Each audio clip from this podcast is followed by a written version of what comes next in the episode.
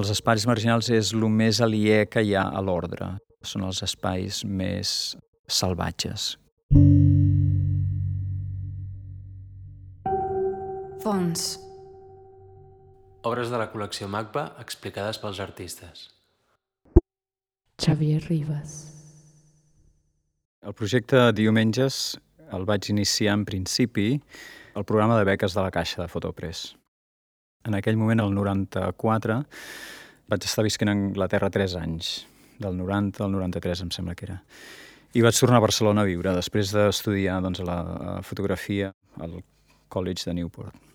Aleshores, quan vaig tornar a Barcelona, vaig plantejar aquest projecte de Fotopress. Dins de Fotopress, en aquella època hi havia diferents apartats, i un dels apartats era la cultura de l'oci.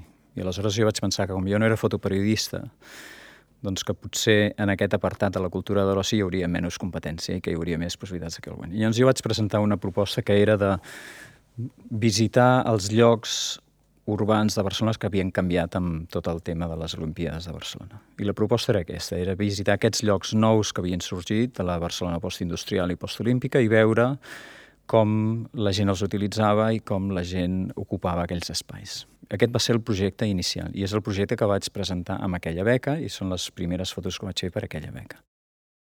L'altra cosa és quan la beca es va acabar i en el procés de desenvolupament d'aquest treball vaig arribar a la conclusió de que els espais que més m'atreien no eren tant els espais arquitectònics que havien sortit amb els Jocs Olímpics, sinó els espais marginals que havien quedat al marge d'aquests nous espais. És a dir, en tot procés d'urbanització i d'expansió urbana es genera perifèria, es genera espais marginals. I aleshores aquests espais que queden al marge de lo que en aquell moment es considera útil són els que vaig començar a mirar. Molts d'aquests espais eren espais d'oci. El moment d'ocupació més àlgid era el cap de setmana, era el diumenge. I aleshores la idea del diumenge també és una idea una mica recurrent dins del tema de la cultura popular i de la vida quotidiana, doncs no sé, i és un tema doncs, de l'oci, el diumenge, el dia de festa, què fa la gent, que passa que una vegada doncs, avançat el projecte i visitant aquests llocs, doncs, moltes vegades quan arribaves o quan marxaves veies que aquells altres espais que queden al marge de l'arquitectura també estaven ocupats. I aleshores vaig pensar que allà potser hi havia un plantejament d'investigació que era una mica més interessant. De fet, quan fotografies ciutat i quan fotografies arquitectura estàs fotografiant un programa que algú ha definit i que algú ha decidit. No? I aleshores les circulacions i els usos d'aquells espais estan molt mediatitzats per aquell programa arquitectònic. Evidentment la gent es pot saltar les normes i seure al del banc d'una manera diferent o fer un creuar per un lloc que no es pot creuar. Però els espais marginals no tenen un programa arquitectònic. I aleshores allà diguem-ne que el nivell d'espontaneïtat o el nivell, diguem-ne, de marge d'actuació és molt més gran. En aquella època doncs, estava llegint el llibre de Marc Auger dels no llocs, alguns textos de Michel de Certeau que parla de caminar sobre la ciutat, i després hi havia les pel·lícules de Pasolini, de Mama Roma, la pel·lícula de Roma, que tot que parlen de perifèries, vas una mica mirant a veure com s'ha representat la perifèria, com s'ha representat aquest espai marginal, allò quan la ciutat difosa, quan ja no és carrer però tampoc és camp, i comences a mirar una mica amb això. I recordo precisament que l'any 94 va sortir la pel·lícula de Caro Diario, de Nani Moretti. I llavors en aquesta pel·lícula hi ha un primer tram, un primer fragment de la pel·lícula que ell va en moto, el Nani Moretti va en moto en Vespa per Roma i va visitant els diferents barris. Va visitant pues, la Villa Olímpica de l'any tal, va visitant un altre i doncs al final agafa i fa una peregrinació allà on el lloc, el solar el descampat a les afores de Roma, on van matar Pasolini. Hi ha un petit monument destartalat allà en un espai marginal mig trencat i ple de, de males herbes. No? I a mi em va semblar que aquesta mena de recorregut, aquesta sortida a la ciutat organitzada, històrica, identitària, amb un passat, amb un futur, amb un projecte, etc. aquesta sortida cap a aquest espai marginal i aquesta visita a un monument funerari o per un personatge tan radical com Pasolini em va semblar molt significativa. Aleshores vaig pensar, la idea que s'ofereix en aquella pel·lícula o la idea que jo vaig veure en aquell peregrinatge al lloc de Pasolini era de que, de fet, un monument per un personatge tan radical com Pasolini només podia existir en un espai marginal, a la perifèria. Mm a partir d'aquell moment d'identificar l'espai marginal com un espai de treball, vaig pensar, bueno, aleshores com podem pensar aquest espai? Perquè aleshores, doncs, per exemple, Marc Auger, que parla dels no llocs, no? ell identifica una polaritat molt clara entre el que és un lloc històric, identitari, de memòria, i un no lloc comercial, de circulació, sense vinculació amb l'espai històric. Però clar, això és una polaritat que funciona molt bé teòricament, però hi ha tota una sèrie d'espais, que són aquests espais que no són ni una cosa ni l'altra. Aleshores, si un espai històric, segons Rem Koolhaas, produeix opressió, per la història i per el vínculo amb el passat i dels trofeus dels vencedors que sempre es commemoren. No? I els no llocs produeixen alienació perquè et desvinculen del teu passat, aleshores com podem pensar els espais marginals que no són ni una cosa ni altra? I aquest va ser el plantejament. L'estructura de treball era molt senzilla, era anar a visitar llocs que jo coneixia de Barcelona, molts d'ells eren llocs que jo havia viscut o que jo havia estat, doncs, per exemple, els, a la mina, que anava a jugar als camps de futbol al costat de la ronda del litoral. No? Doncs anava allà a aquells llocs, anava doncs, a llocs que jo coneixia i que tenien una certa relació amb el, la meva vinculació amb la ciutat. Però no era una investigació autobiogràfica, era perquè eren llocs que coneixia i que anava a veure, ja que havien canviat i els anava a veure. Llavors vaig formular la hipòtesi de treball de que, de fet, l'espai marginal, com és un espai sense arquitectura, sense programa, al marge de les necessitats econòmiques, polítiques del moment, és un espai que el podem classificar com un espai de llibertat. És una hipòtesi una miqueta ampulosa, si tu vols, però aquesta era la idea, de que el que es podia fer en un espai marginal era molt probable que no es pogués fer al centre de la ciutat. Llavors, en el text que jo escric per a la publicació del llibre, es parla d'aquesta experiència de quan jo vivia al Poble Nou, que fèiem la foguera a la cantonada de casa, la foguera de Sant Joan, Clar, en aquella època les carrers eren sense asfalt o hi havia adoquins, aleshores tu podies fer aquella foguera perquè no trencava res. Clar, quan es va fer el metro i el Poble Nou es va incorporar, diguem a la trama urbana i a la comunicació amb el centre de la ciutat, el carrer es va asfaltar i allà no s'hi podia fer la foguera perquè pues, l'asfalt es fon amb el foc. Aleshores nosaltres recordo que d'una manera molt conscient doncs, anàvem a fer la foguera tres o quatre carrers més cap a la mina que hi havia doncs, el descampat del Camp de la Bota i el Rancho Grande i allà fèiem pues, totes aquestes coses. No? I aquest és un exemple, un exemple mm, biogràfic, però n'hi ha molts, no? Des d'anar a rentar el cotxe, des de fer un dinar familiar amb 15 persones que no pots fer casa perquè tens un menjador petit, pues anar, jo què sé, anar a escoltar música, anar a donar-te petons, jo què sé, fer moltes coses que en el centre de la ciutat no pots fer, no? Aleshores sí que aquí hi ha potser una mica de, de solapament biogràfic, però la intenció no era fer un mapa personal, la intenció era reflexionar sobre un tema que m'abocava unes certes imatges. I per mi la vocació de la perifèria eren les imatges de la infància, de l'espai, del jugar al carrer, per exemple, els meus cosins vivien al carrer Intensa i al carrer Casanovas. Ells no jugaven mai al carrer. Ells anaven de l'escola al club, del club a música, de música a casa. I jo estava sempre al carrer. I aleshores, per mi aquesta experiència, diguem-ne, de la perifèria com un espai obert, com un espai ple de possibilitats, ve d'allà. Inevitablement té aquest solapament, no? És una mica el que parla Albert Camus no? quan parla de la ciutat d'Argèlia, no? d'Argel, no? que que parla de, de la llum i dels espais i la vida al carrer i tota aquesta història.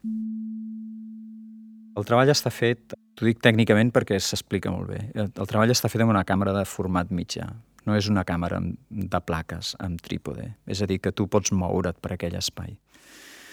Aleshores, el procés de treball que jo tenia és primer identificar un espai, un diumenge, identifiques un espai, què està passant allà? I aleshores tu mentalment et formes una imatge i busques el lloc des d'on tu vols representar aquell espai.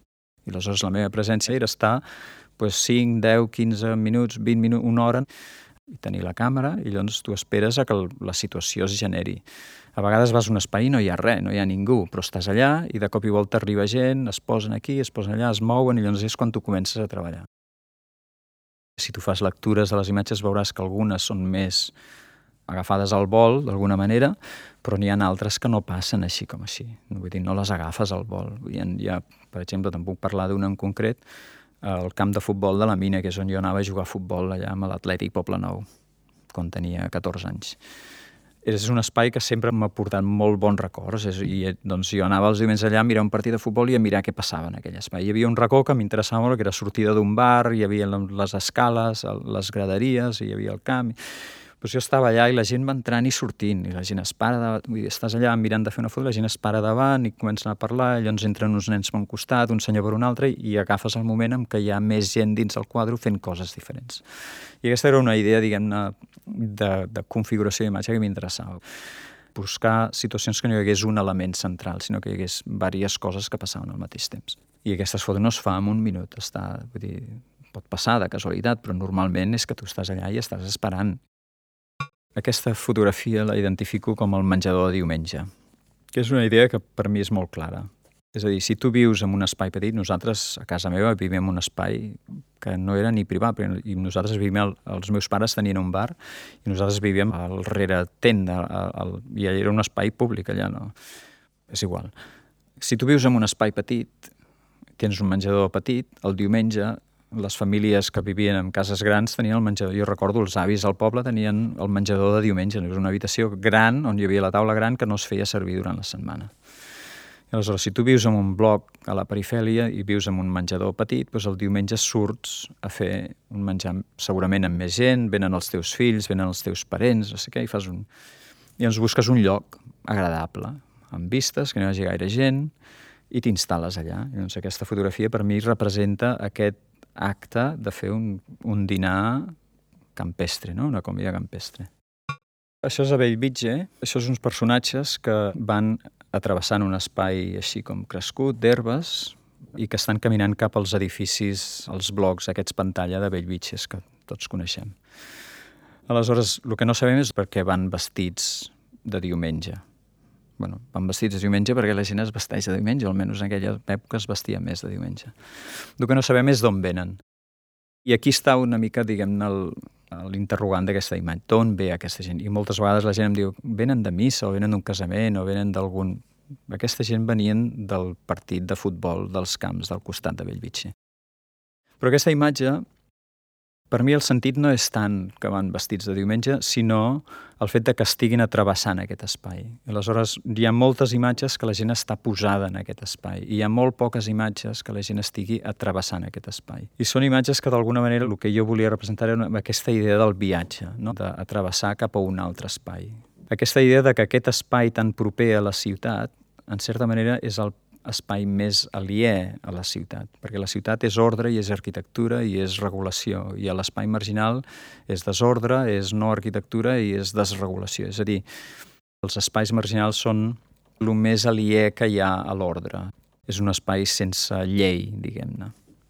Aleshores, aquesta idea de travessar aquest espai sense llei em suggeria aquesta idea de l'espai utòpic, no? de l'espai de la illa de Citerea, no? de que vas, és un espai on pots recrear tota aquesta, aquesta sociabilitat de la festa i de la trobada i de la comunicació. I doncs aquesta idea del viatge està en dos o tres fotografies. El que sí que volia evitar, i no totes les imatges ho aconsegueixen, era que les imatges fossin anecdòtiques. Per exemple, et pots imaginar que treballant tres anys cada diumenge a la perifèria de Barcelona vaig acumular moltes imatges i pots imaginar que acumules situacions de lo més inverosímil. Val? Aleshores, la tentació de fotografiar situacions molt inverosímils, la situació és molt tentadora, perquè et trobes amb situacions molt curioses. Vaig fer una fotografia d'una família fent un pícnic dins d'un camió refrigerat de Mercabarna. O sigui, és una situació única, és increïble. Té la seva lògica, perquè tu arribes amb el camió de Mercabarna, engegues el motor de la nevera, te'n vas a la platja quan tornes, obres les portes de la caixa i fas un pícnic allà. El que passa que és una situació com molt anecdòtica. No parla de l'espai. És una fotografia potser massa antropològica, potser. I era un cas únic. Aleshores, com a cas únic, no funciona per establir un discurs sobre un espai o una tipologia d'espais. I com aquestes n'hi ha moltes. Per mi la fotografia no és només el que representa, sinó com utilitzes aquella imatge, quina intenció té aquella imatge, quina relació tu tens amb la gent que estàs fotografiant. Aquí sí que es pot parlar establint un procés d'explotació amb aquelles imatges o no. Alguna vegada m'han dit, no? perquè com he estudiat a Anglaterra, he estudiat amb fotògrafs anglesos que treballen doncs, el tema de les comunitats obreres i de l'oci de les classes populars i tot això, tipus Martin Parr, Paul Rees, tota aquesta gent el fil conductor dels treballs era la vida quotidiana i el que estava passant en, en un context de capitalisme de comercialització de la vida pública, tot això. I aquests fotògrafs treballen representant una sèrie de situacions i aconteixements. No? I ho veus amb les fotografies de Martin Persson, fotografies d'un quadre molt tancat, està tot molt a sobre, hi ha un flash que incideix i modifica doncs, les expressions, etc. Jo crec que el meu treball és diferent, aquest, perquè a mi m'interessa la situació que hi ha, però m'interessa més la situació en el context en què aquesta situació es produeix, és a dir, l'espai que acull aquella representació. I aleshores d'aquí hi ha la distància, et poses més lluny perquè vols agafar no només l'aconteixement, sinó el, diguem-ne, l'escenari d'aquest aconteixement. I tot el discurs sobre aquest treball és un discurs sobre l'espai, no sobre l'activitat que hi ha allà. És a dir, el treball no va sobre rentar cotxes o fer pícnics, va sobre l'ocupació d'un espai. Quin és el sentit d'aquell espai, en funció de com aquest espai s'utilitza.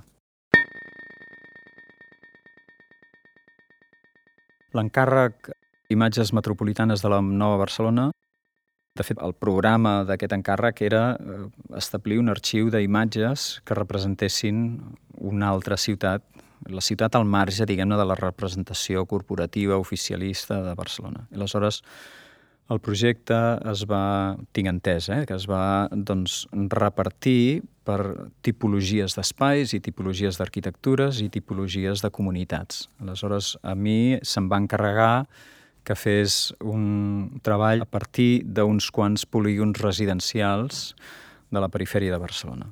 És a dir, d'alguna manera, era retornar una mica als espais que havia fotografiat abans del diumenge, però en vez de fotografiar l'espai sense arquitectura era veure què passava en aquell espai construït. I la idea principal del projecte, o diguem la, els criteris que se'n van encarregar, és que fes fotografies de com aquests espais havien evolucionat amb els 20 o 30 anys d'existència des de que es van fer. El debat era quins havien millorat i quins havien empitjorat. De fet, el debat no hi era, però ja ho sabien els que m'encarregaven. El Ribalta i el Joan Roca ja sabien molt més bé que jo les problemàtiques de cada polígon residencial. A mi l'interès principal de la perifèria d'aquest projecte era perquè, és a dir, si pensem al centre de la ciutat com un espai construït i definit per una herència política, històrica, identitària, etc. I si pensem que aquest espai, doncs, en la mesura de la ciutat europea, doncs, s'està convertint en un espai turístic, com a Barcelona, és un espai que està buit, diguem-ne, de les trames locals que hi havia abans, perquè totes les botigues són empreses multinacionals, etc etc. O sigui, podríem pensar, d'alguna manera, que el centre de la ciutat és un espai cada vegada amb menys identitat. Aleshores, podríem també pensar, i això de fet també ho diu el Colhas, que l'espai residual o la perifèria urbana és un espai generador d'identitat, en tant que no està mediatitzat per la comercialització del monument, del museu, del parc, de la ruïna històrica, de l'edifici antic, etc. Però per un altre costat, a mi l'arquitectura m'interessa relativament poc. El que m'interessa és com la gent es belluga per aquells espais. Tu pots fer un procés de regeneració urbana i canviar un barri en cinc anys. Pots fer aceres noves, pots plantar arbres, pots muntar una escola, un ambulatori, pots muntar una biblioteca, pots posar les aceres, pots pavimentar els carrers, pots fer tot el que tu vulguis. Però el cost de la gent, l'ús que la gent en fa d'aquell espai no canvia en cinc anys. I aleshores per mi el projecte anava per aquí. Era contrastar aquesta definició urbana, aquesta trama urbana o aquesta materialitat urbana amb l'ús que la gent en seguia fent d'aquells espais. Per mi m'era difícil dir doncs la mina és un espai molt més agradat que ciutat satèl·lit o un altre. D'alguna manera se'm demanava això que em definís a veure quin espai era millor. I per evitar aquesta definició vaig utilitzar l'estructura de retícula. La retícula és un espai de representació de material fotogràfic molt més democràtica, és a dir, que tu estableixes relacions multidireccionals i pots deixar espais buts i pots crear seqüències, etc. I és una retícula de 67 fotografies en format més petit que les fotografies dels diumenges. I la idea aquesta de, de l'arxiu, de, la, de fer un arxiu d'imatges alternatives a Barcelona, em semblava que demanava un projecte no de 5 fotografies o de 10 fotografies, sinó de més. I aquesta va ser una mica la idea de, de fer un procés d'edició molt més obert i relaxat, fer un, un tamany més petit i utilitzar la graella per presentar una mena de visió més caleidoscòpica.